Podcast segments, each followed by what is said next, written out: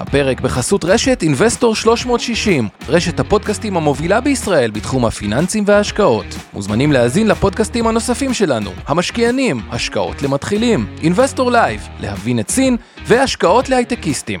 הופק ונערך על ידי שמע, פודקאסטים ויצירות סאונד.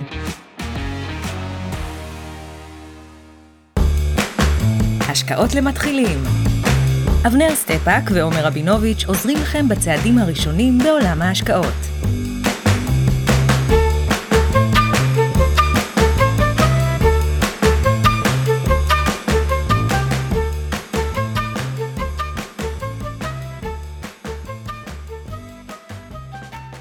ערב טוב לאבנר, ואני רוצה להתחיל בנתון. ערב טוב, עומר. שבוע תתחיל שעבר בנתון. היה שידור, שלצערי לא היית בו, כי היית בדובאי. אכן, ו- מודה באשמה. ואז מישהו, דיברתי קצת על הבנקים הישראלים, שכנראה להם דוחות טובים, אכן היה להם דוחות מאוד מאוד אה, טובים. טובים. טוב- טובים, טובעים בכסף, טובים כן. בכסף. אה, המיליארדים של המיליארדים, כן, 22 מיליארד שקל לארבעה בנקים, ארבעה, לא כולם, כן. אבל- אז אה, נדבר תכף על ה- רווח, רווח, אחרי מס. אבל היה משקיע שכתב בצ'אט, אבל מה עם בנקים בארצות הברית? ואני באתי ואמרתי, בנקים בארצות הברית זה לא בדיוק כמו בנקים בארץ, הם נראים זול, אבל הם שונים, וכדי להסביר את זה אני רוצה להתחיל בנתון. כמה בנקים משנת 2001 פשטו את הרגל בארצות הברית? כי זה יסביר חלק מה... גם שיש שם יותר בנקים, ו... טוב, יש אלפי בנקים שם. נכון, אבל כמה בנקים באיזה פשטו תקופה? רגל, מאז אתה יודע ומעולם, מה או- אבנר? מאז 2001, זרוק מספר ותתפרע, ואני אומר לך שאתה תופתע כלפי מטה גם שאני ככה מתקיל אותך בשידור. אה, אחרי שאמרת להתפרע, אתה אומר לי נפתיה למטה, אני אגיד 4,000 אתה תגיד לי 20. שניים. לא יודע, הייתי מנחש. תראה, יש הרבה בנקים קטנים, ריג'ונל וזה. כולל הריג'נה, כולל הכל, כמה. פשטו מ-2001. עשרות נמוכות כזה, 10 ל-30. 562 איזה נוכל. בנקים פשטו את הרגל. עכשיו. למה התקלתי את אבנר ככה? כי קשה לתפוס את זה, אבל זה רק מסביר, המספר הזה אני רוצה להתחיל, בנק אמריקאי הוא לא כמו בנק ישראלי, ויש איזו סיבה, שעם זה גם זה יסביר חלק מההסתבכות של סיליקון וואלי, כי יש הבדל בין בנקים אמריקאים ובנקים ישראלים, אגב גם בנקים אירופאים. כשאתם מושקעים בתיק ניירות ערך שלכם, יש נתון שנקרא mark to market, כלומר הפסדתם, מניה ירדה, אתם מכירים? כן. בהפסד. בנקים אמריקאים אומרים לא, אתם יכולים להשקיע באג"חים, ואם האג"ח ירד, אתם בפדיון, הרי אתה יודע מה, כמו שיש משקיע וסוחר, מחזיקים לפדיון. כן, מחזיקים אתה- בפדיון, אתם לא צריכים להכיר בהפסד, גם אם הערך ירד, כן. וכל אתם לא מימשתם את ההפסד, הכל בסדר. ואז מה קרה בסיליקון וואלי בנק בעצם? בשנת 2000 והוא הבנק של ההייטק, וכידוע 2020-2021 היו שנות גיוסים מאוד מאוד טובות בהייטק, נכון. היה להם המון כסף לשים בפקדונות. אגב, ב-2010 לבד נסגרו 157 בנקים הברית כדי להבין את זה. טוב, זה היה אפטר שוק של המשבר של 2008, זה ו- דווקא הגיוני לי. ואז מה הם עושים עם הכסף? הם אומרים יש לנו שתי אפשרויות, או ריבית אפס, או ננסה לגרד עוד טיפה. בניגוד, הם לא יקשיבו כן. לפודקאסט שלנו, אז במה הם השקיעו את זה? הם השקיעו את זה באג"חים, וחלקם גם אג"חים ארוכים. הבעיה באג"חים הארוכים, שהריבית עולה, האג"חים יורדים. אז נכון שהם לא צריכים היו להכיר בהפסד, כי לפי חוקי הבנק לא צריך להכיר בהפסד, אבל כשמתחילים למשוך כסף מהבנק או פקדונות, הוא צריך להתחיל לממש את ההפסדים. ולדעתי לבנק, אני לא בטוח במספר, אבל לדעתי היה לו מאזן של 88 מיליארד דולר, אג"חים ארוכים, בוא נגיד ירדו 15 אחוז, שזה 15 15 כן. אחוזים, זה אומר בערך 12 מיליארד דולר ירידה, שזה כמעט כל ההון עצמי של הבנק, וזה על רגל אחת, זה קצת יותר מורכב מזה, אבל על רגל אחת, בבנקים הישראלים כן מכירים בהפסדים mark to market גם באירופאים, וזה אחת הסיבות, ואז אני אתן לכם דוגמה אפילו לבנק שדיברתי עם איזה מנהל קרן גידור, שהוא בודק פוזיציית short עליה, להרוויח מירידה בבנק, ותכף ייתן תזה, ודרך זה גם נסביר את ההבדל בין הבנקים ה-20 האמריקאים, אבל קודם כל אליך אבנר.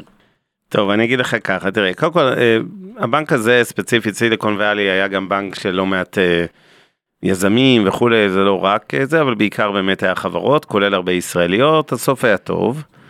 יש הרבה לקחים מהפרשה שאנחנו נדבר עליה, אנחנו אחרי זה גם נראה איזה גרף אחרי פינת המכפילים שלנו, אני רוצה לראות את, ה, את המאזן של הבנק ממש מאמצע ינואר כזה, אפשר כבר לראות את הסימני אזהרה שם.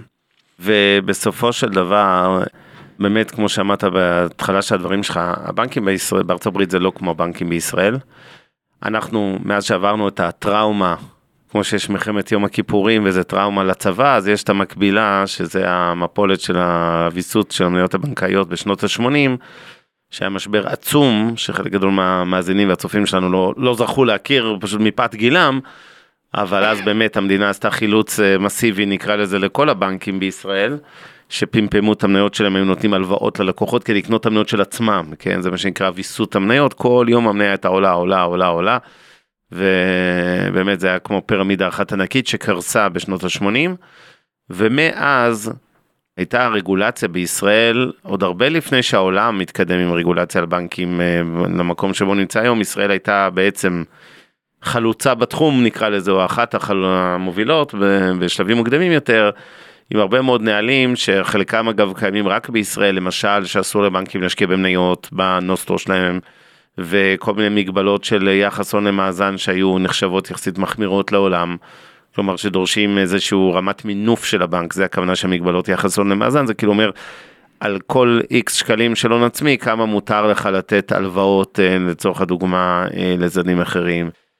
פלוס שזה נוסיף לזה שהמערכת בישראל היא מאוד לא תחרותית ולכן הבנקים מרוויחים כסף בערימות כאלה עצומות, כי אין באמת תחרות אה, משמעותית בין הבנקים.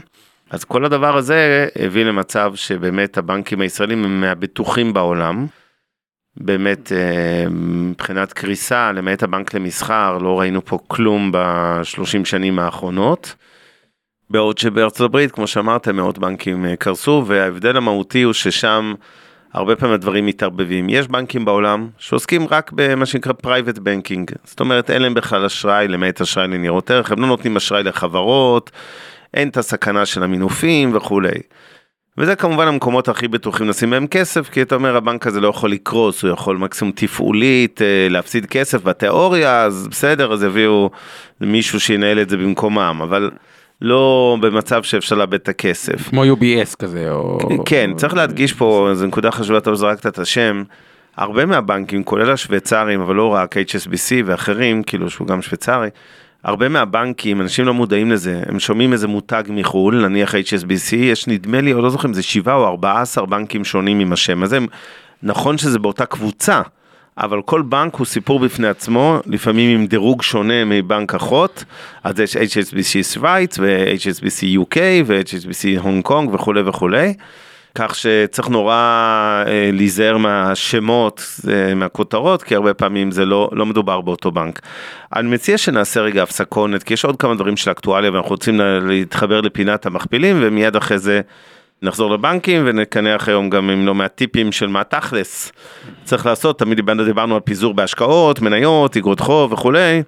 נראה שהיום צריך לדבר על אה, פיזור גם אה, של איפה הכסף עצמו נמצא ולא רק אה, כן איפה משקיעים אותו טכנית אלא באיזה פלטפורמה הוא נמצא. אז בוא נתחיל ממה הדרמה פה. הדרמה שנוצר שזה גם קשור לסיליקון וואלי בנק, היא נתחיל מזה שבאג"ח ה-S&P מכפיל 17 עתידי, הנסדק 24, הראסל 22, שזה מכפילים גבוהים הברית, אמרנו את זה. הדרמה פה שתשואת האג"ח שהייתה על סף ה-4 אחוזים, היא ירדה ל-3.54, כלומר מבחינת מבחן האלטרנטיבה, האלטרנטיבה למניות היא פחות טובה. יש הבדל עצום בין 3.54 ל-4, שזה חדשות אה, טובות למניות. אגב, מצב די מוזר, הכל מאוד מאוד אה, הפוך, אבל בצורה גם מאוד תלולה. כלומר, אג"ח לשנתיים נותן הרבה יותר מאשר, או אג"ח, אפילו פיקדון, נותן, כאילו באופן אבסורדי, אתה קונה אג"ח לעשר שנים, קונה 6.54, פיקדונות בארץ, דולרים, נותנים לך קרוב לשש, אם אתה סוגר. כלומר, הקצר נותן הרבה יותר מהארוך, בדרך כלל זה כן. מצביע על מיתון או פחד ממיתון וירידה מאוד אגב, חזקה. אגב, אני אפתח סוגריים, אותו דבר מתקיים, יודע, בשוק המשכנתאות הישראלי, הריביות היום לטווח קצר, לראשונה מזה שנים, הן כמעט זהות. זאת אומרת, אתה לוקח משכנתה תאורטית ל-3, 5, 7 שנים, לא, או ל-30. לא, ל-30 יותר זול.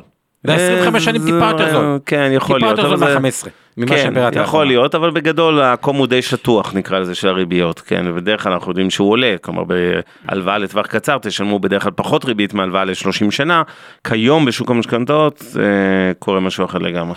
נכון, ובגדול מה שהשוק אומר, וראו את זה בקריסת הבנק סיליקון ואלי, כאילו, נגיד די, תעצור את זה, וכו'. עכשיו, בואו נתחיל רגע, זה המחפיאים בארצות הברית, הראייה שלי, הברית לא זולה, בדיוק עברתם עם אה, לקוח על מספר מניות, כדי להראות את הנקודה שאתה לגבי השוק האמריקאי, אמרתי, אוקיי, בואו ניקח כמה מניות, ואני רוצה כן לחזור ברשותכם על השמות, כדי, אה, אה, זה דווקא על חברות לא צומחות כל כך. מקדונלדס, מקדונלדס זה חברה לא כל כך צומחת, המכפיל רווח של מקדונלדס הוא 25. עכשיו, זה גבוה, איך שאני מסוף את זה, חברה שהיא בצמיחה איטית או בקושי צומחת, מכפיל 25 זה גבוה. וולמארט, וולמארט היא עוד עסק שלא כל כך צומח בארצות הברית, מכפיל 23, זה לא זול. עוד דוגמה לחברה, כדי לעשות את זה קצת יותר מוחשי, כי הרבה פעמים מכפילים זה נורא אמורפי, נייקי, חברה עם צמיחה, אבל בואי ככה, אם יש מיתון על כל הדברים של אה, צריכה, אפשר לוותר על, או לדחות אולי אה, אה, קנייה של נעליים, או לא את הנעל הכי אה, יקרה, מכפיל 37, שזה לא מכפיל זול. אז זה כמה דוגמאות כדי להראות שהשוק האמריקאי, תחשבו על מותג אופנה במכפיל 37 בארץ, אני לא חושב שיש כזה דבר או, או מתקרב לכזה דבר. אז זה מבחינת השוק האמריקאי. כשאנחנו עוברים לאירופה, אגב, אירופה מתחילת השנה היא, היא בתשואות אה, חיוביות, השוק שם אה, עלה קצת, גרמניה פלוס 7.4, צרפת פלוס 8.3, אז אנחנו מדברים על מכפילים עתידיים של איפשהו בבריטניה אזור ה-10, גרמניה אזור ה-11, צרפת אזור ה-13, וגם תשואת האג"ח יותר נמוכה, בין 2.2 בגרמניה לבין 3.4 בבריטניה, פרמיית סיכון הרבה הרבה יותר בריאה באירופה, עם הבעיות של אה, אירופה. וכשאנחנו עוברים לישראל, ופה זה קו, כשאני ואבנר הובלנו קו שהוא חד משמעי שהאג"ח היה בתשואה נמוכה מדי ולא היה מה להשקיע בזה, SVB, SVB, לא הקשיבו לזה כל כך, כן. הבנק לא היה נמחק אחרי 50 שנה. אה, 50 עם- שנה באמת? כן, חשבתי שהרבה יותר חדש. SVB לדעתי, האמת אני כן. אבדוק את זה אם אתה אומר את זה, אני שם, מישהו אמר לי אתה 50 תמשיך, שנה. אבל זה פשוט חוסר ניהול סיכונים טוב שכל הכסף היה באג"חים ארוכים. ישראל נמצאת היום במצב מאוד מעניין, תל אביב 35 8.7, תל אביב 90 7.4 וה-SME 60 7.2, כשאג"ח מדינת ישראל נותן 3.73, זה פרמיית סיכון של בין 8 ל-10 אחוזים. זה לא שאין סיכוי, המדד, המדדים אגב בארץ בירידה חזקה מתחילת השנה, תל אביב 35 מינוס 3.3, תל אביב 90 מינוס 10.8, היתר מינוס 13.6, וכשמסתכלים על היתר, הוא אחד מהשווקים עם התשואה הכי גרועה בעולם בחמש שנים האחרונות, מינוס 26.1. עכשיו אני רוצה להסביר את העיקרון, מה קורה כשמדד עושה תשואה ממש גרועה. כל הקרנות נאמנות שמשקיעות בסוגי המדדים האלה, לא נראות טוב. נכון. אז משקיעים בהם או לא משקיעים בהם? לא משקיעים לא בהם. משקיעים. אפילו יש פדיונות. פדיונות, כן. מה זה פדיונות בקרנות האלה? פדיונות זה אומר עוד מכירות על המכירות. נכון.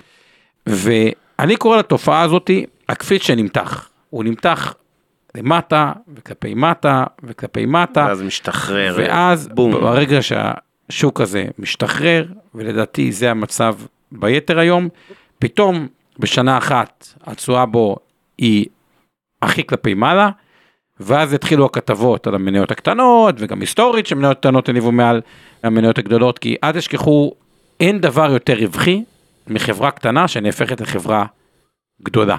זה הדבר היחידי, האפשרות היחידה לעשות פי 10 על הכסף, פי 20 על הכסף, פי 30 על הכסף, זה מחברה קטנה שנהפכת לחברה גדולה, זה לא קורה כל שני וחמישי, אוקיי, גם אמזון פעם הייתה קטנה, גם מייקרוסופט הייתה קטנה, אבל כשזה קורה, זה מכפלות מאוד מאוד אה, גבוהות. האחרונה שעשתה את זה אגב בישראל בצורה מאוד מאוד יפה, היה אה, פריו נטוורקס, שהיא בחמש שנים האחרונות, כדי להבין את זה, היא מניה דואלית, היום היא שווה 1.5 מיליארד דולר, אחרי שהיא עלתה 1238 אחוז בחמש שנים. מה זה אומר עלייה של 1,200 בחמש שנים? זה אומר שאם נסתכל על השווי שוק שלה לפני חמש שנים, הוא היה 100 מיליון, 100 וקצת מיליון דולר, שהפך ל-1.5 מיליארד דולר, אז בשוק בארץ, אני חושב שזה לא שאין סיכונים, יש אפילו סיכון ספציפי עכשיו עם כל ה... אה, מה שהולך, אבל בניגוד לשוק האמריקאי, שיש איזשהו סיכון עם אפסייד יחסית מוגבל, השוק הישראלי, אני חושב שה upside בו הוא מאוד מאוד מאוד גבוה, עם חוסר ודאות מאוד גבוה בטווח הקרוב. אני פה contrarian, בניגוד לכם, אני חושב שמניות בארץ עכשיו, לתפיסתי, זמן נכון לקנות אותם, אה, אבל אני מקבל את מי שיחלוק עליי, והאמת, זה באמת, יש פה איזה חוסר ודאות בטווח הקצר, וכשאנחנו רואים במזרח הרחוק, הודו 19.4, מכפיל יחסית אה, גבוה, גם בתחילת השנה מינוס 6, סין במכפיל 10, שתפיסתי זה די מעניין, ויפן במכפיל 13, אז זה ככה מבחינת המכפילים אה, בעולם. ארה"ב יקר, אירופה וישראל זולות, לתפיסתי ישראל ממוצבת יותר טוב מאירופה וישראל עוד יותר זולה. המזרח הרחוק, סין נראית על פניו זולה, גם שם יש סיפור שהוא אפשר להרחיב עליו, אבל זה מבחינת אה, פינת המכפילים. טוב, אני אה, רוצה גם אה, להגיד עוד כמה דברים רק על השוק בישראל ועל כל האקטואליה של מה שקורה עכשיו עם ה... תבחרו את המילה כבר אין לי כוח. אני בוחר הפיכה, מי שיבחר רפורמה, מי שיבחר מהפכה, כל אחד והסטייל שלו. אני אגיד שאין ספק שזה ששוק בתל אביב הוא מהגרועים בעולם מתחילת שנה, מבחינת עוצמת הירידות אל מול כל מה שראינו פה בטבלת המכפילים בארצות הברית, אירופה וכולי, שרובם בכלל בעליות. אין ספק שזה תוצר של הבלגן הזה, שהתחיל בארבעה בינואר עם הצגת התוכנית. ואני רוצה להגיד שהייתי יותר אופטימי לפני כמה ימים לגבי uh, פתרון הסוגיה הזאת בהסכם פשרה. אני חושב שהשבועיים האלה מאוד קריטיים, השבוע ושבוע הבא זה או שזה יגיע לפשרה או שזה יתפוצץ בענק. אין לי יכולת להעריך, למרות שאני מאחורי הקלעים משתדל לעזור להגיע לפשרה, גם מול הפוליטיקאים. של הימין כמובן, אלה של השמאל אגב בכלל לא במשחק הזה, זה כל המשא ומתן מתנהל היום בין ראשי המחאה לראשי הפוליטיקאים הימניים שמובילים את התוכנית הזו. והנשיא כמובן ייתן איזה... בוא תעשה אותנו קצת אופטימיים אבנר. אני לא, תשמע, אם הייתי באמת אופטימי, הייתי יותר אופטימי, אבל ראיתי כל מיני סימנים, אה, סימני אזהרה לפיצוץ, בין היתר, ארבעה סימני אזהרה זריזים, זה שלושה חוקים פרסונליים שעברו השבוע, אמסלם חוק צרפתי, חוק דרעי 2 ונתניהו והתרומות. וזה מייצר משבר אמון, זאת אומרת, מנהיגי המחאה בצדק אומרים, רגע, אם, אם כבר עוד לפני שהם עשו את ההפיכה המשטרית, הם כבר, הנה, הם מוכיחים לנו את הכוונות שלהם ולמה באמת הם מחוקקים פה חוקים, אז כאילו, למה שנסכים לשום דבר, אי אפשר להאמין להם. ולזה אני אוסיף את ההודעה מלפני חצי שעה במקרה של פורום קהלת. עכשיו, פורום קהלת הפך להיות כזה סדין אדום של המחאה, שמה שהוא אומר, למשל, הוא אומר שלדעתו אפשר להגיע לפשרה על כל הסוגיות, רק חשוב נורא נושא המינוי שופטים, ברגע שהוא אומר את זה, אז הוא כבר מסמן את מה שאי אפשר להסכים לו, זאת אומרת, היה עדיף שישתקו מאשר שיגידו את זה פומבית במסמך שהם הוציאו, ו... וזה ככה על הדרך, אבל אה, אי אפשר להימנע מהדיון הזה, אני חייב להגיד, באמת, עזבו רגע את ההיבט הפוליטי, כי בסוף יש לו השפעה כלכלית, והוא משפיע על הבורסה, והוא משפיע על אגרות החוב, אה, כן, של נכון. ממשלת ישראל שנמצאים בפרמיית סיכון גבוהה יותר ממה מה שקרה בשווקים אחרים. ובסופו של דבר אין מה לעשות, אתם אוהבים את הרפורמה, אתם נגד הרפורמה, הפיכה, וואטאבר, זה לא כל כך חשוב, אתם צריכים אה, להתייחס לזה גם אה, כאירוע כלכלי, כי הוא באמת כזה. ואין ספק שהוא יותר אירוע בהקשרים אחרים של חברה הישראלית שאינם כלכליים, אבל הוא גם אירוע כלכלי, ועדיין, למרות הכל, אני אופטימי לגבי שוק המניות התל אביבי, שאני חושב שספג מכה חזקה מדי ביחס לעולם. ברור שאם זה ילך לפיצוץ אז ימשיך בדיוק, לספוג מכות, זה לא ש... בדיוק. יש פה trade מעניין, כי יכול להיות, ובזה אני מסכים עם אבנר, ש... וגם אה, בוא נגיד ככה, באינבסטור יש לקוחות מכל צדי המפה, ש... אפילו במיטב. יש סיכוי כזה, ש... לא יגיעו לפשרה, ואז מה שנראה היום זול יהיה זול יותר. כלומר, יכול להיות trade גם מעניין, לחכות, אם לא יהיה פשרה, יהיה ירידות, ויכול להיות שגם יהיה ירידות על רקע liquidity event, כאילו הרבה מכירות בבת אחת, ולמוסדים לוקח טיפה זמן עד שהם מתחילים להפעיל את כוח הקנייה שלהם. ויכול להיות שיש פה אזור שבו אפשר יהיה, מה שנראה היום זול, אפילו יכול להיות זול יותר. מה שכן חשוב בהקשר שאבנר אמר, אם כן מסתמנת הפשרה והשוק קצת יקפוץ איזה חמישה, שבעה אחוזים, לא בטוח שזה יהיה נכון לחכות. התשואת חסר, אל תשכחו גם 2022, שהייתה השנה הכלכלית אולי הטובה ביותר, או אחת הטובות ביותר במדינת ישראל, היא הייתה עם ירידה חזקה. אז כן. זה ה... תמשיך, מה צחקת כל כך? לא, אני מקבל הערות בפרטי שאני אה, צריך לצאת מההלם. אני לא בהלם, אני לא בהלם. לא לדאוג, הכל בסדר. טוב, אם נחזור למנה העיקרית שלנו הערב, שזה הבנקים, בעולם בעיקר, קצת בישראל, אז בואו נהרוג רגע את הצד הישראלי של האירוע הזה, כי כבר, אני חושב שהתחלנו מזה, מלהבהיר שהרמת הסיכון לבנקים בישראל היא נמוכה מאוד, אני מדבר רמת סיכון לכסף שלכם, כן? זה שיכול להיות שיהיה להם שנים אפילו של הפסדים, למרות שזה נראה כמו מדע בדיוני כרגע עם רווחי עתק של המערכת הבנקאית. גם אם יהיה הפסד, זה לא גורם לזה שאתם לא אה, תראו את הכסף שלכם מאחד הבנקים. ואני חושב שההסתברות לקריסה של בנק ישראלי, עם כל הרגולציה והפיקוח הכבדים מאוד של בנק ישראל, ועם כל הפוסט טראומה שהזכרתי בתחילת המשדר הערב, מלחמת יום הכיפורים של הבנקים בשנות ה-80 והמפולת של הוויסות מניות הבנקאיות, באמת שאין מה לדאוג פה. זה מהזווית הזאת. עכשיו, עדיין, אנשים אומרים, רגע, אני לא מפחד שבנק שלי יקרוס, אני מפחד שיעברו פה כל מיני חוקים שכמו בשנות ה-90 ורוורס, לא יאפשרו להוציא כסף מישראל, הרי נכון. זה, זה סוג של חצי היה מצב פה, אה, כן, לקנות מטח וכולי. אז רגע, אולי לפני הכספים מישראל, כן. בוא ניקח את מה שאבנר אמר ונשים את זה במספרים כדי יאללה. שזה יהיה מוזר, ניקח את זה בדוגמה לבנק זה. פועלים, אבל אפשר גם בנק אה, לאומי. היום עלות מקורות האשראי, ה- בוא נתחיל ונשווה את זה גם לבנק אמריקאי, כן. בסדר, באותו סדר גודל, כדי שתבינו עד כמה הבנקים פה בריאים מבחינה עסקית. תיק האשראי של בנק הפועלים הוא 381 מיליארד, זה סך האשראי שהוא נותן, אגב בנק לאומי 383 מיליארד, זה די אה, זה. הריבית הממוצעת שבנק הפועלים גובה היא 5.38, אני לא יודע אם נכלל בזה גם ההצמדות ואיך ההצמדה, אז יכול להיות שבפועל זה יותר, כי מה שצמוד מדד זה ריבית ממוצעת, אבל יש פה כן. עוד אלמנט של הצמדה, בואו לצורך העניין נקרא לזה 6 אחוזים. 6 אחוזים על 381 מיליארד, ההכנסה רק מהחלק הזה היא 6 אחוזים כפול זה, היא 20 מיליארד שקלים. זה ההכנסה הדי, אפילו טיפה יותר, של הבנק. בצד ההוצאות יש את העלות מקורות האשראי של הבנק. בעצם האשראי, כאילו הבנק גם יש לו אג"ח, גם הוא משלם על פקדונות. אממה, ספציפית בגלל המבנה של החינוך הפיננסי במדינת ישראל, אני לא יודע אם לקרוא לזה מבנה, זה הדבר הנכון.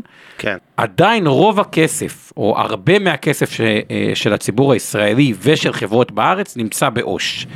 ולכן עלות המקורות של הבנק היא 1.57, שזה הרבה יותר נמוך ממה שאנשים מצפים. מה זה אומר? שאם יש מרווח אשראי של בערך 4, כלומר ההפרש בין העלות מקורות הממוצעת לבין הריבית של הבנק, זה אומר שמובטח לו על החלק הזה לפני הפסדי אשראי שבארץ הם נמוכים, 4% כפול 381 מ- מיליארד, כמה זה אבנר? 15.2. 15 מיליארד שקל. כלומר, הרווח שלו מריביות זה קרוב ל-15 מיליארד שקל. עכשיו, מה שקרה, בגלל שהבנקים, וזה הפרפקט סטורם לטובת הבנקים, בגלל שהבנקים במדינת ישראל היו בעשור של ריבית נמוכה, ובנק ישראל כל הזמן לחץ להם, תקצצו הוצאות, תקצצו הוצאות, תעברו למקומות יותר זולים, מי שלא יודע, גם הבנקים עברו קצת מרוטשילד למקומות, נגיד בנק לאומי לידות, ועוד כל מיני דברים שזה יקצץ בין בכוח אדם וכו'. אז ההוצאות של הבנקים הן יחסית מאוד מאוד נמוכות. בואו נעשה את זה, לקחתי בנק אמריקאי שנקרא HBAN, ששווה יותר מהבנקים הישראלים, מי שרוצה שיוכל להסתכל אחרי זה, הסימבול HBAN, שהוא שווה 16 מיליארד דולר, ושאני משווה בינו לבין בנק הפועלים, שתבינו עד כמה, כביכול שניהם מכפיל 6 על הרווח.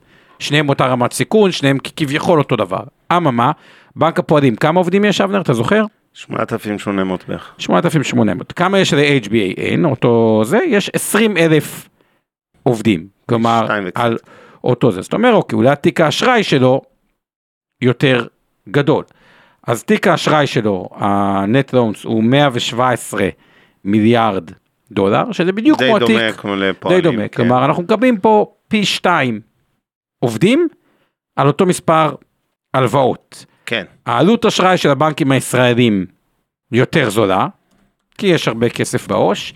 ההלוואות של בנקים ישראלים יותר בטוחות, כי הרבה מזה זה תיק משכנתאות, או האשראי בארץ יחסית, לא רוצה להגיד הבנקים נותנים בארץ אשראי למי שלא צריך, אבל האשראי בארץ, רואים את זה היסטורית, הוא יחסית הרבה יותר בטוח ממערכת הבנקאות האמריקאית, ובנוסטרו של הבנק, ותסתכלו HBAN, הנוסטרו של הבנק הוא מושקע גם באג"חים ארוכים, שהוא לא צריך לעשות עליהם שערוך mark to market כמו בנקים הישראלים. כלומר, הדוגמה הזאת, אני לא רוצה להגיד שזה שורט על הבנק הזה ולונג בנקים ישראלים, אבל מדגימה עד כמה הבנקים בארץ זה עסק שהוא עסק נכון. מדהים בצורה שאי אפשר להסביר כ- כבעלים של עסק. עלות אשראי זולה, אשראי לא כל כך זול לבנקים, מאוד יעילים אחרי כל הקיצוצי אה, עובדים, פשוט עסק מדהים, אין לי מה להגיד, ה... שש וחצי מיליארד זה מה שהיה לבנק אה, פועלים רווח, אבל זה לא מה שמעניין, הרווח שלו ברבעון האחרון הוא יותר מייצג לדעתי משלושת הרבעונים האחרונים, וגם נראה על פניו שקדימה הרווחיות שלהם תהיה אה, מאוד אה, גבוהה. אז לגבי המשקיעים ששאלו האם בנקים בחו"ל, גם זה מחזיק לבנקים בארץ, לתפיסתי לא, הבנקים בארץ הם חיה יותר בטוחה, ושלושת הנושאים הם כמות עובדים יחסית נמוכה לתיק האשראי אחרי כל ההתייעלות, אשראי הרבה יותר בטוח בממוצע מבנקים אה, אמריקאים, עלות מקורות ממוצעת יותר זולה בגלל שלהרבה אנשים יש פקדונות בעו"ש. וזה הטיעונים המרכזיים לפחות שלי. אה, מסכים עם כולם, ואני חושב שאפשר לארוז את פרשת הבנקים בישראל. ולעבור לחו"ל, אני רק אגיד ברקע, אני רוצה להתייחס לכמה דברים, אני מצטער שפתחנו פה, אה, כן, אה, תיבת פנדורה, אין מה לעשות, כשאתה מדבר בישראל על משהו שקשור לפוליטיקה, הפיכה משטרית סיפורים, אתה לא מבין מה הולך לנו פה בזה. בצ'אט אני לא, בכוונה כדי לא לחמם את האווירה אני לא אחזור, דבי אני מסכים כל מילה, אל תדאגי, אין פשרה על כלום. אבל אני לא רוצה לחמם את האווירה, אז בוא נחזור רגע ל, ל, באמת לנטו נטו נטו כלכלה. אני אתייחס גם, יש פה הערות חשובות וגם שאלות, אז אה, עוד רגע נתייחס אליהן. אז קודם כל, עמית אה, שואל או שואלת, האם יש אה, חשיפה כלשהי של ברוקרים אמריקאים, כמו Interactive Broker, זי טריידים וכולי, למצב הנוכחי של חלק מהבנקים בארצות הברית? והאם הכסף מבוטח במצב של בעיה פיננסית באותה חברת ברוקרים? אז קודם כל אני אזכיר, שבשונה מבנק, בדרך כלל אנשים שפותחים חשבון אצל ברוקר זר, או גם בישראל, עושים את זה בשביל ניירות ערך, הם לא עושים את זה בשביל להחזיק שם, כן, פיקדונות וליהנות מריבית, בשביל זה הולכים לבנק. חסכונות ותוכניות ו- ו- וריביות זה בבנקים, וניירות ערך זה בדרך כלל בברוקרים. הברית אגב זה הרבה יותר מופרד. בארץ זה כאילו, אם אתה לקוח של בנק פועלים, אז ב-90% אתה גם עושה את הפעילות ניירות ערך שלך שם. כי הנתח שוק שלנו, של מיטב טרייד וכל המתחרות החמש, הח- בתי השקעות, החמשת בתי השקעות הפרטיים הוא בערך עשרה, אולי היום כבר 12 אחוז, הוא גדל, אבל הוא עדיין קטן. אז פה עושים את זה בבנקים, אבל בארצות הברית הרבה אנשים מחזיקים את הכספי ניירות ערך שלהם בברוקרים. כשאתם מחזיקים במישרין ניירות ערך, לא עכשיו, אה, לא משנה אגב אם זה קרנות נאמנות או ניירות ערך, אבל הכוונה לא CFDs מה שנקרא, או כל מיני מוצרים סינתטיים, בדרך כלל הנייר ערך רשום על שמכם, גם כך שגם כשקורס אה, בנק או ברוקר, אז הכסף שלכם מוגן. גם סגרגייטד, כלומר, הוא מופרד. כן, בדיוק, אז, אז אה, זה גם, זה חלק מהעניין. זה לא, בדרך כלל לא מתערבב עם נוסטו וכולי, שוב, בפלטפורמות המובילות, אני מדבר של ברוקראז' למשל- נטו, לא כל מיני... נכון, אה, שאלו נגיד לגבי אינטראקטיב ווקר, אז יש לו cash and equivalent 3.4, ויש עוד סעיף cash and securities segregated, שזה של לקוחות, בדיוק, שזה יש הפרדה. 57 מיליארד שהוא נפרד. כלומר, כן. חשבון נפרד. אז, אז מה בכל זאת הסיכון, תיאורטית, בגופים מהסוג הזה, ו- ולמען הסר ספק, אני חושב שהוא מאוד נמוך, אבל אם אנחנו אומרים שכספי הלקוחות שמורים בנפרד, וניירות ערך רשומים על שמכם, מה בכל זאת הסיכון? הסיכון העי- העיקרי, שאגב, מפיל לא מעט חברות בעולם, לאו דווקא אה, גופים פיננסיים, זה סיכון לפרוד לרמאות, להונאה. ואני סתם אספר סיפור שנחשפתי בסוף שבוע, סוף שבוע זה היה סוער, סיליקון וואלי בנק קורס ביום חמישי, הצלחנו להוציא מכל מיני חברות שקשורות אלינו כמעט את כל הכסף, עוד לפני שהבנק המרכזי, הפד, אה, זאת אומרת, אה, הכריז שהוא יחלץ משם וכולם ייהנו מ-100%. וזה כבר יוביל אותנו עוד רגע לטיפ הראשון, אבל אז, אתם יודעים, שמכירים את זה שצרות באות בצרורות. אז מעבר לזה שקרסו עוד כמה בנקים, ואז אתה מתחיל לבדוק את החשיפות שלך לא רק ל-SVB, אלא לסיגנצ'ר ול-First Republic, ופתאום אתה מתחיל להיבהל מבנקים שהם בסך הכל סבבה, אבל אתה כבר שואל את עצמך מי הבא בתור, כמו שאומרים. ואז מגיע לי איזה בשורה, שאיזה חברת נאמנות, שאחראית על uh, שמירת כספים של uh, אשראי בארצות הברית, מסתבר שהם עשו, תקרא לזה עונה, השתמשו, כמו שעורך דין בישראל נגיד מחזיק אה, לנדל"ן אה, כסף בנאמנות, נגיד אתה קונה דירה ואתה מפקיד אה, כסף נאמן, בנאמנות אצל עורך דין וחלילה הוא גנב לך את הכסף, נכון? עלול לקרות אז עשה משהו כזה, עכשיו זה היה סכום קטן אז זה לא מהותי לנו, אבל רוצה לומר, הסיכונים האלה של fraud, לא לזלזל בהם, ובכנות, בהכללה אפשר להגיד שגופים גדולים אולי יש להם פחות, סיכון ל fraud, אבל בואו, ראינו את אנרון וראינו חברות ענק שקרסו בגלל מעילות והונאות. זה לא, יש אמנם הרבה פעמים ביטוחים, זה גם עוד דבר שצריך להזכיר, גם לכסף שלכם יש ביטוח בחו"ל. 250 אלף דולר זה ה-FDIC הזה, הארבע אותיות האלה ששמעתם אותם הרבה השבוע. זה בדיוק הפואנטה, זה הרשות האמריקאית ששומרת לכם על הכסף. ומבטחת, אה, היא עושה הרבה דברים, אבל בין היתר היא נותנת לכם את הביטוח פקדונות, זה ה-Federal Deposit Insurance Corporation, זה תאגיד אה, ממשלתי אמריקאי שתפקידו בעצם להגן על חוסכים, החוסך האמריקאי הקטן, לא רק אמריקאי, החוסך הקטן בארצות הברית, גם אם הוא ישראלי וגם אם הוא אמריקאי, וזה אותם רבע מיליון דולר הגנה שנותנים לכם. מעבר לזה, בסך הכל הסיפור הזה של היציבות, בטח כשהחשבון הוא חשבון ניירות ערך ולא מדובר פה עכשיו בפקדונות אה, וכולי, אני לא רואה סיבה לפחד מהשחקנים האמריקאים האלה. באותו מעמד אני אגיד שני דברים. אחד, הטיפ הראשון הוא, כשאתם כבר שוקלים להעביר כסף לחו"ל, קודם כל, אני לא רואה סיבה לברוח מבנקים, אה, כן, ישראלים, אבל נניח רגע שהחלטתם שאתם מפחדים איזה מה יקרה פה במדינה ואיזה חושך יהיה לנו פה וברמה שלא ייתנו לנו להוציא כסף וחייבים לפתוח חשבון בחו"ל, לפחות חלק מהכסף. הרבה יותר קל לפתוח חשבון ברוקר, חשבון ניירות ערך, מאשר חשבון בבנק. נכון. להרבה מאוד ישראלים פשוט אין את האופציה לפתוח חשבון בנק. מינימום מיליון דולר. בדיוק, יש סכומי מינימום, אם זה הבנקים בשוויץ. אגב, זה גם יותר יקר. שתיים זה יותר יקר. שלוש, אם כבר בכל זאת אתם מתעקשים לפתוח חשבון בבנק.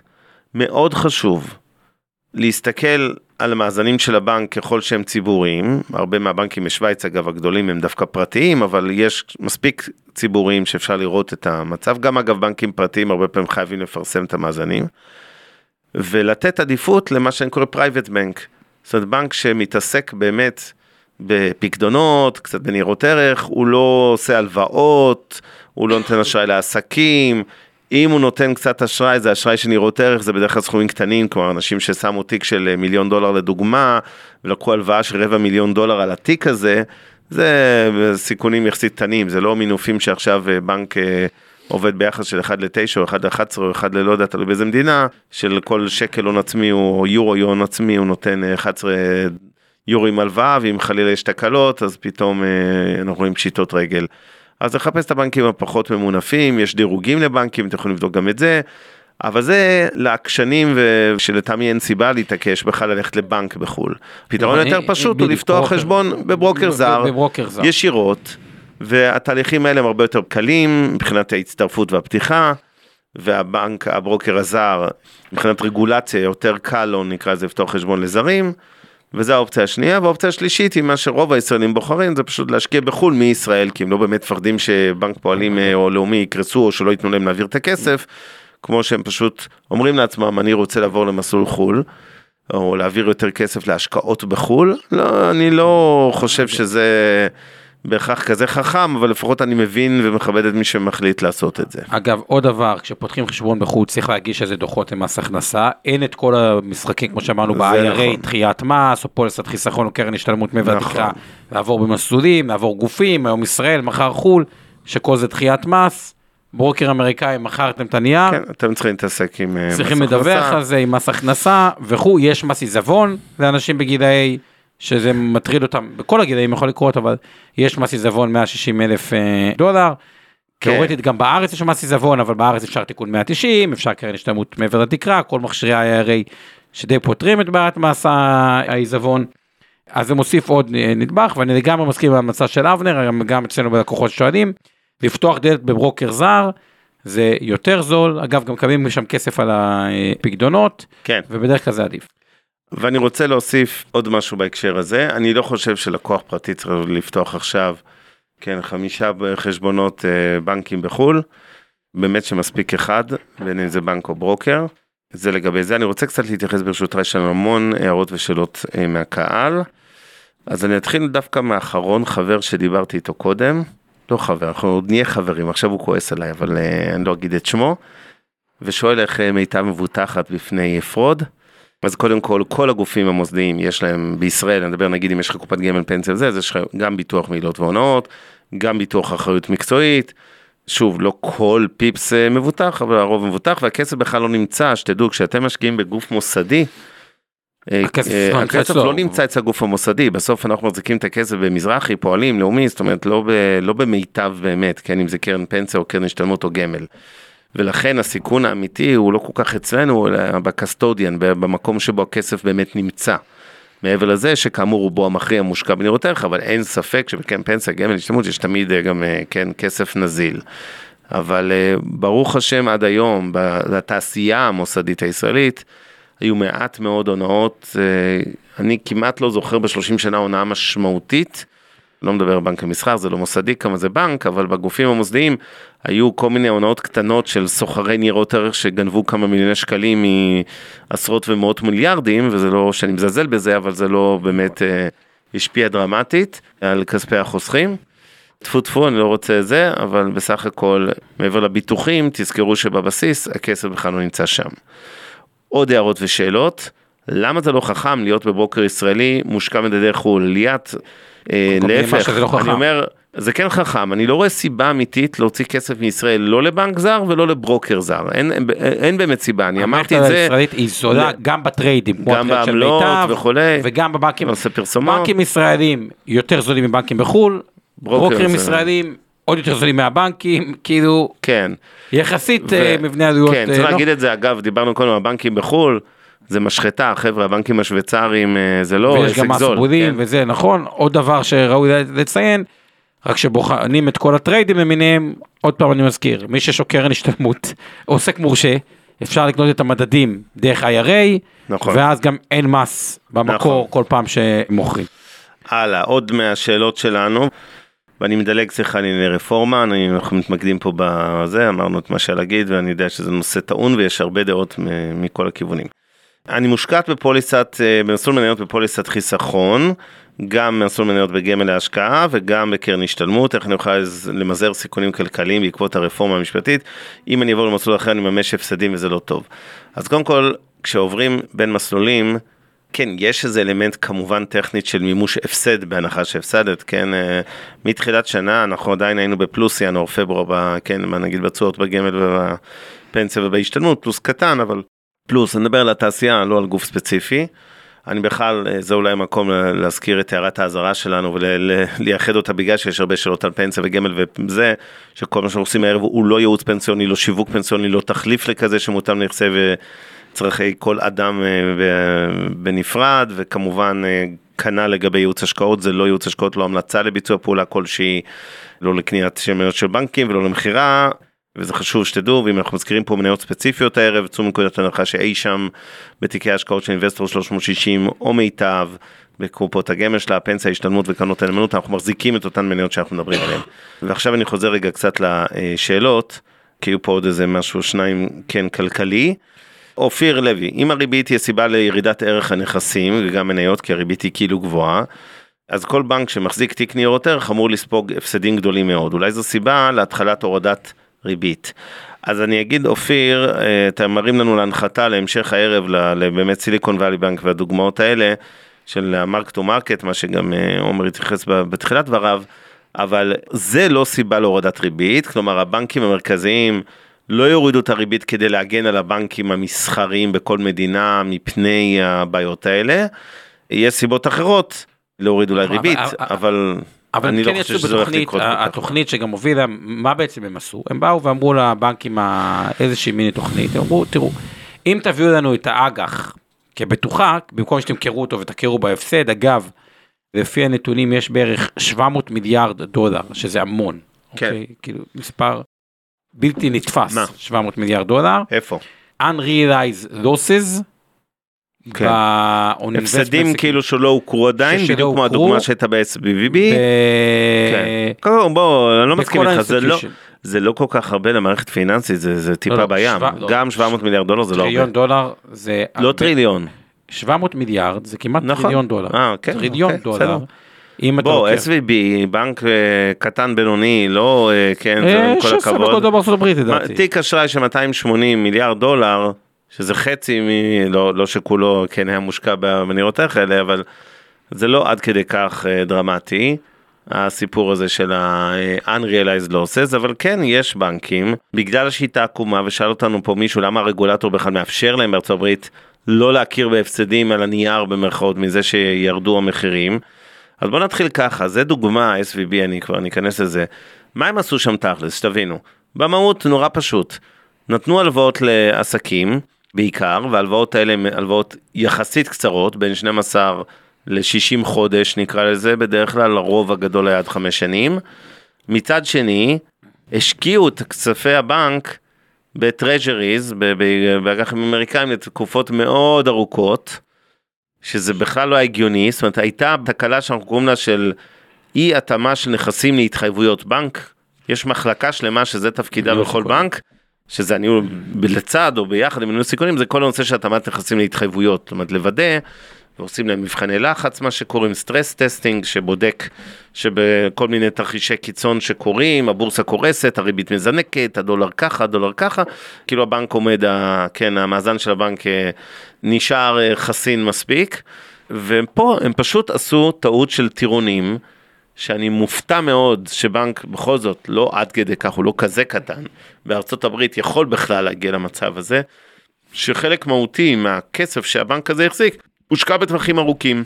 ההימור הזה הוא הימור מסוכן, אגב זה בעצם מה ש-WeWork עשתה ונפלה איתו, הרי מה הם עשו, WeWork להבדיל כן החברת נדל"ן, הם באו ואמרו אוקיי אנחנו עושים ארביטראז' במרכאות על הקום התשואה, אנחנו משכירים לטווחים קצרים, אוקיי, סוג של סאבלט לסטארט-אפים וכולי, אתה יכול לזכור לחודש, לשלושה חודשים, לשנה, לשנתיים, זאת אומרת משכירים הם, WeWork משכירה לעסקים לתקופות קצרות, אבל סוחרת נכסים לתקופות ארוכות, אז בזכות זה שהיא סוחרת נגיד נכס ל-10-20 שנה, היא מקבלת מחירים אטרקטיביים בעצמה, ואז היא מוכרת ביוקר לטווחים קצרים.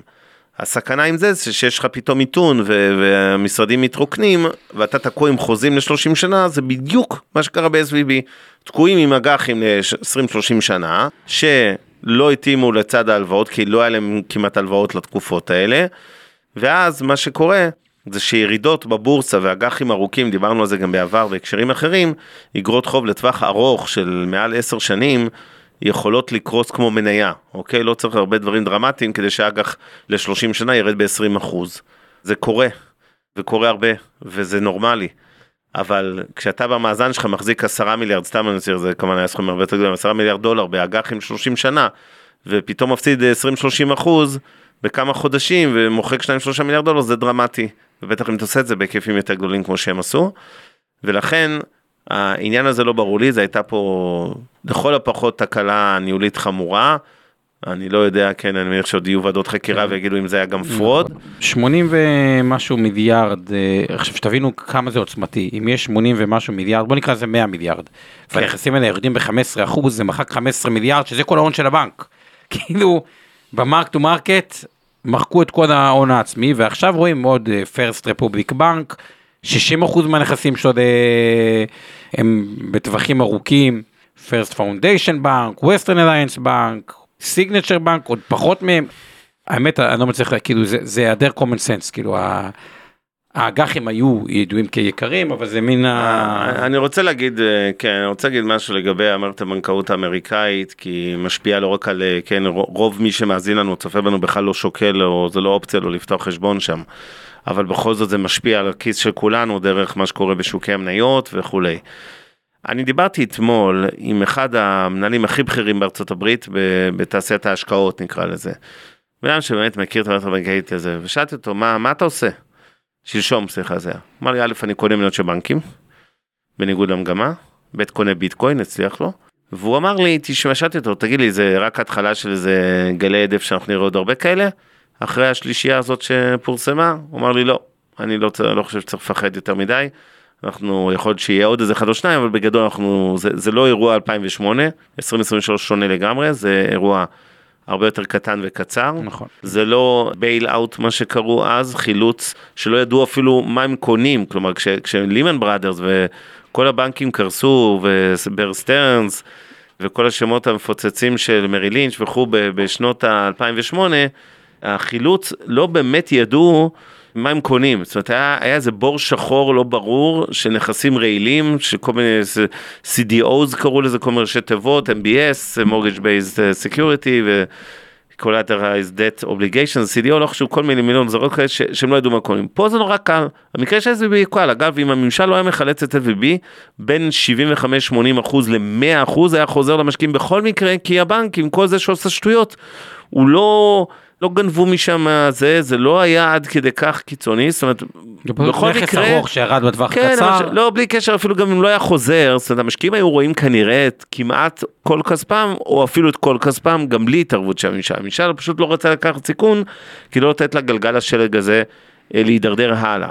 אבל בגדול, אני לא חושב שזה אירוע מתגלגל שנראה עוד הרבה בנקים קורסים.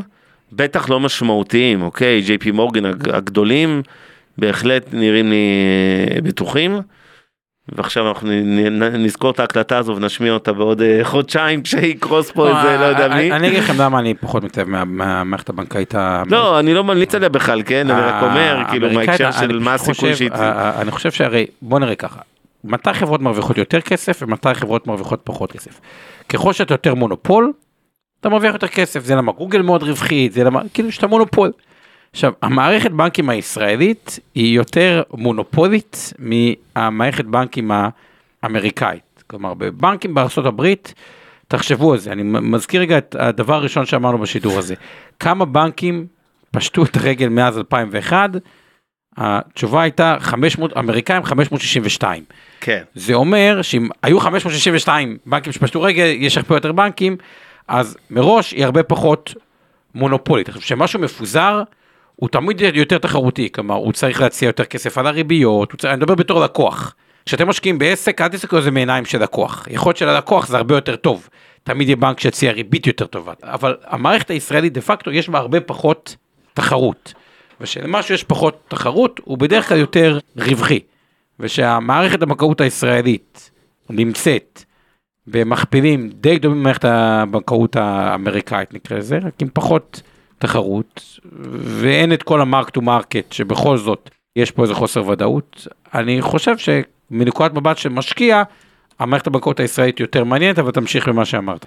אני חושב שהאירוע של הבנקים רובו המכריע מאחורינו מבחינת אני מדבר עכשיו השפעה על, ה, על העולם ואם אני חוזר לשאלה של יד שעם ההערה המשפטית שלי שכחתי לה, להתייחס אליה אז אני חושב שאנשים שמחזיקים היום במסלולים כלליים נניח והפסידו כסף. קודם כל לא הפסדתם כסף אבל יחסית למה שהייתם מרוויחים הייתם במקום אחר. נניח שהפסדתם אני מדבר מתחילת שנה כמובן שנה שעברה כן הפסידו אבל אני מדבר השנה עדיין ברווח ינואר פברואר. ובסופו של דבר מי שממש חרד יכול תאורטית לעבור למסלולי חול ממש. יש היום ואני לא מדבר על מסלולים של מדד ספציפי כמו נסדק או S&P 500 כי אני לא יודע כמה זה חכם לשים את כל הביצים בסל אחד ושוב זה לא ייעוץ או שיווק פנסיוני. אבל uh, יש היום בחלק מהגופים מסלולים שהם מניות כללי בחו"ל, לא ממדד ספציפי וגיאוגרפיה ספציפית. וב' אני חייב להזכיר שגם במסלול הכללי שבו 90% מהמאזינים שלנו נמצאים, רוב המניות, נדמה לי מעל 70 אחוז, 70 אחוז, uh, או באזור ה-70 אחוז, ממרכיב המניות שלכם, נניח שבקופה יש סתם דוגמה 40 אחוז מניות, 45 אחוז מניות, 70 אחוז מתוך זה מושקע בכלל מראש בחו"ל, עוד הרבה לפני כל הבלגן האחרון. כלומר, זה, זה מדיניות של פיזור סיכונים שכולנו כמוסדיים כבר עושים אותה שנים, לא שמים את כל הביצים במשק הישראלי, ולכן גם מלכתחילה מצב הסיכון הוא בעיניי יותר נמוך גם למי שחושב שקץ הדמוקרטיה ומדינת ישראל קרוב. ו- ולזכור רק בהקשר הזה, כשאתם עוברים למסלול שכולו חו"ל, אתם מוכרים את בנק לאומי.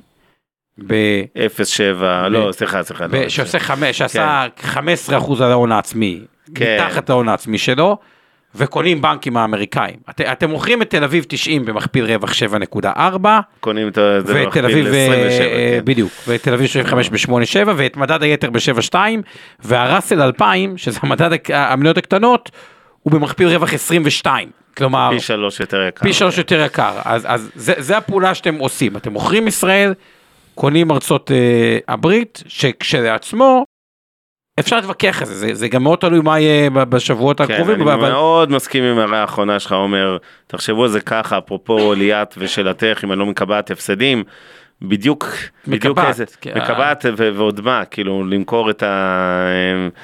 כן, אחוז הלא גבוה מלכתחילה שיש לך במדינות ישראל, בשביל אה, לקנות, אה, להחזיק לא 70 אחוז חו"ל אלא 100 אחוז חו"ל, לא יודע אם זה שווה את זה, בטח לא במחירים הישראלים של היום.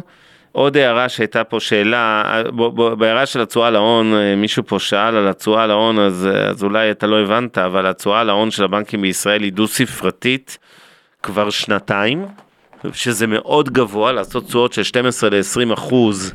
זה כמעט לא קיים במערכת בנקאות בשום מקום בעולם, זה בבואה של הסיטואציה שאין תחרות בישראל. ובמערכת הבנקאית אולי 1-0 ייתן איזה fight, אבל עד היום לפחות לא הייתה אה, תחרות, ולכן הבנקים מרוויחים כסף בערימות. למה אין ביטוח פקדונות בארץ? שואל יוסף פרקש, התשובה היא נקודת הנחה שהמדינה... שא', מערכת הבנקאות הישראלית היא הרבה יותר בטוחה, ב', לא נעים להגיד, אבל מדינת ישראל, באמת, אתה יודע, בלי לפגוע בבנק למסחר, שאנשים הפסידו שם כסף, הוא היה בנק קטנצ'יק וזניח עם איזה סניף וחצי. אבל אה, חס ושלום, אם איזשהו בנק מהבנקים הגדולים יקרוס, אני מהמר שייקח בדיוק חמש שניות עד שמי שלא יהיה נגיד בנק ישראל, שר האוצר באותו מועד, יכריז שלא לדאוג ללקוחות, יהיה לכם, זה, יש לך ביטוח דה פקטו למרות שאין ביטוח רשמי, המדינה, זה, הם too big to fail הבנקים האלה והמדינה לא תיתן להם ליפול. אגב, כשאמרת תשואה דו ספרתית, בנק לאומי, שצריך מתחת ההון העצמי, עשה תשואה להון ב-2022 של 17 אחוז. עכשיו תחשבו, אתם עושים, נניח כן, זה פשוט מטורף, והם גם חשבו לחלק דיבידנדים, מה שלא היה כן, פעם. עכשיו אומרים 17 אחוז, טוב, אגב, עלייה מ-2019 של 116 אחוז, אומרים, טוב, זה כנראה לא מייצג. אז זהו, הריבית גבוהה, זה אומר שכאילו גם קדימה, כאילו אם גם תהיה אינפלציה ואת הדברים האלה, כי, כי הרבה מהנכסים שהבנקים הישראלים מוצמדים או למדד שאין את זה בחו"ל, או בפריים היסטורית, אז לא בטוח שזה כזה לא מייצג, ובנק מזרחי בכלל, 20 אחוז תשואה על ההון העצמי, שזה מהגבוהות בעולם. עכשיו, לא רק זה, היחס בין ההוצאות להכנסות, כלומר, הוא מהטובים בעולם. מה הכוונה? ה-cost ratio, וניקח דוגמה את בנק אה, מזרחי, הוא 45 אחוז, כלומר, ה-cost הוא רק, תחשבו, עסק שההוצאות הם רק 45 אחוז מסך ההכנסות, זאת אומרת שהוא די רווח של 55 אחוזים. איזה עסק אתם מכירים כמעט בעולם שיש לו שולי רווח של 55 אחוזים? אפילו אפל אין לה כאלה שולי רווח. זה כן. במיוחד מבט של עסק הוא עסק מדהים, יגידו, הטיעון היחידי נגד הבנקים הישראלים, בואנה זה כזה עסק מדהים, כזה עסק רווחי, כזה הכל, אולי הרגולטור ייכנס קצת, או, יגן עליהם פחות, כאילו זה טיעון שאני מקבל אותו, אבל מנקודת עסקית הוא מאוד טוב. כן, אז אליהו, שאלת אם, אם הבנקים בארץ כל כך מוצלחים, מד- מדוע אין תשואה טובה על בסיס שנתי, זה פשוט לא נכון, יש תשואה פנטסטית. אם התכוונת להגיד מדוע אין לנו ריבית נורמלית על הפקדונות, זה התשובה היא, כשאין תחרות, אין ריבית נורמלית על פקדונות.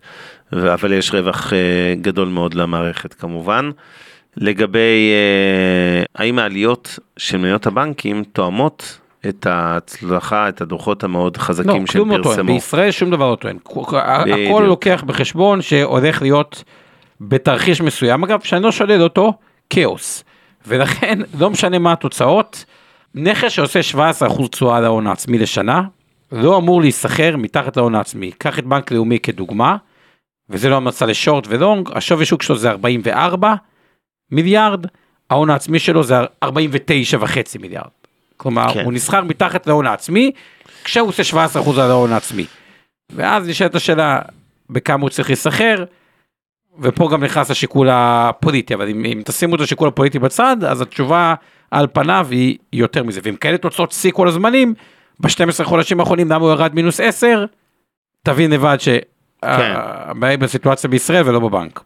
הלאה, האם אה, אם יעלו את הריבית עוד, האם זה לא יוצר איזה פושבק לפד? מדברים עכשיו על הקפצת הריבית הבאה שהיא עם טיפול לחצי אחוז, יהיה רק רבע אחוז וכולי.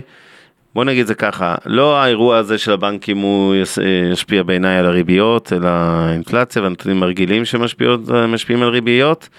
אני, אה, אתם מכירים את עמדתי, פסימי יותר לגבי הנושא של הריבית ומתי היא תחזור לרדת וכולי. אם יהיה מיתון ממש חריף, אני לא כזה פסימי, אז התשובה היא שזה באמת ירד יותר מהר, אבל בכל תרחיש אחר, אני חושב שהבנקים המרכזיים יחכו הרבה זמן עם הנושא הזה. כן ליאת המתכנתת בהייטק, כן, גם הפוליטיקאים הימניים מפחדים שההייטק יעזבו, אני לא אחשוף כי הבטחתי שאני לא מוציא מישיבות עם מי ישבתי ומתי, אבל אני פוגש פוליטיקאים במסגרת מחאת הייטקיסטים ואני אומר לכם שהם משקשקים. ומשקשקים רק מהייטק, הם לא משקשקים משום דבר אחר. לא, זה לא מזיז להם אה, להעביר את התוכנית שלהם עכשיו אה, בחמש שניות, רק מזה. מבריחת מוחות, לא רק מבריחת כסף, כמו שברסב אומר, בהחלט. הלאה, אה, ליאת, לבורסה 30% לישראל זה יותר מדי, כשישראל היא רק 0.2. אפשר להתווכח על זה. אני מבין את זה, ההום בייס נושא לסמינר שלם, לא נעשה אותו הערב. אני חושב שהגענו לנקודת הסיום, גם ענינו, ל... אני חושב כי התייחסנו לכמעט אה, כל ההערות שהיו לנו פה. אז זה הזמן להודות, ולהלל ולקלס. אתה רוצה משפט סיכום אה, שלך? קודם התודות, כן, שלא נשכח. כן. שיר פלדמן שעושה לנו את התמלול, וואלה, כבר שלוש שנים, אז תודה לך שיר. אורי לטלדנו שיושב איתנו פה באולפן ומוודא שיהיה לנו סאונד משובח ומסך מטושטש בסלולר. לא, לא, הכל בסדר, יסתדר. וכמובן אורן ברסקי, עמי ארביב ואור חלמיש על העזרה מאינבסטור 360 על הסיוע בתכנים. ועכשיו משפט סיום שלי, א', אתם יכולים להיות רגועים עם מערכת הבנקאות הישראלית, רגועים למהדרין. עם מערכת הבנקאות האמריקאית קצת פחות, אבל עדיין רוב המשבר הבנקאות הזה שראינו בשבוע החולף, רובו מאחורינו. גם אם יהיו עוד קצת קריסות, זה לא מדובר על הבנקים הענקיים. בכל מקרה, מי שרוצה להיחשף לחו"ל, הפתרון של לפתוח חשבון בנק הוא הכי בעייתי, הפתרון היותר קל הוא לפתוח חשבון ברוקר בחו"ל, והפתרון עוד יותר אה, קל והיותר נפוץ זה פשוט להשקיע יותר בחו"ל למי שמפחד, אה, או מרגיש שהוא מחזיק יותר מדי מניות בישראל. שלך? ספציפית לגבי ישראל, יש את הסיפור של כוורת, יכול להיות זול יותר, אבל לדעתי יכול להיות טוב. יותר, כן. לא, יכול להיות זול יותר, כלומר שיהיו עוד ירידות, אני מקבל את התזה שאם יעבור כמו שזה עכשיו, שיהיה עוד איזשהו אפקט פאניקה, ברמה האבסולוטית מי שקונה היום ישראל, לתפיסתי, יעשה עסקה טובה, כן. ברמת המכפילים הנוכחית, ומאוד מסכים עם הפתרון, כאילו מה שאבנר אמר זה גם תפיסתי, כאילו ברוקר בחו"ל לפני אה, בנק בחו"ל, בנק, אז כן. אני לא אה, אחזור על זה. והוא עוד יותר חשוף, כמו שהוא כותב פה בהרצאה בצדק, למס ירושה אמריקאי. נכון, למס שזה. עוד יותר, וגם מיסוי אמריקאי שתמיד, לא כן. תמיד.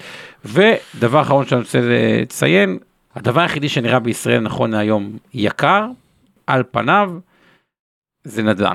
ברמת כן. הריביות, ה- כאילו, חד משמעית. וגם יש פה משהו שהוא לא הגיוני, חזרנו עליו לא מעט, אבל כאילו, זה לא הגיוני שהמכפילים, אוקיי, בסדר, לא נחזור על זה עוד פעם.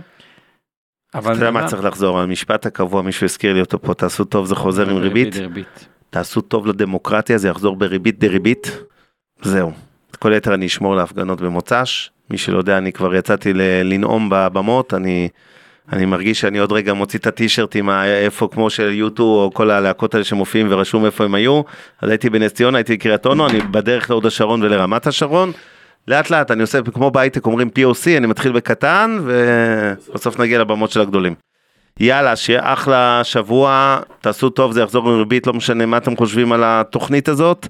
וזה הכל, ניפגש בשלישי הבא. אולי אחרי פשרה, לך תדע, זה, אם זה יקרה, זה יקרה בשבועיים, בשבוע עשרה ימים הקרובים. אבנר, כיף אה, שחזרת. כיף כן, שחזרת לא אלינו, זהו, אני פה, די, נגמר. לילה טוב לכולם. יאללה, לילה טוב. מעוניינים ללמוד יותר על עולם ההשקעות? האזינו לפודקאסטים נוספים שלנו. המשקיענים, אבנר סטפאק ועומר רבינוביץ' בתוכנית אקטואלית עם כל מה שחם בעולם ההשקעות. Investor 360 Live, אורן ברסקי ועומר רבינוביץ' מארחים את בכירי שוק ההון ומבינים את הטרנדים החשובים לשנים הקרובות. להבין את סין עם יובל ויינרב, עם כל מה שרציתם לדעת על הענקית מהמזרח. השקעות להייטקיסטים עם צח איציק, שיבנה איתכם תוכנית כלכלית להגשמת החלומות שלכם.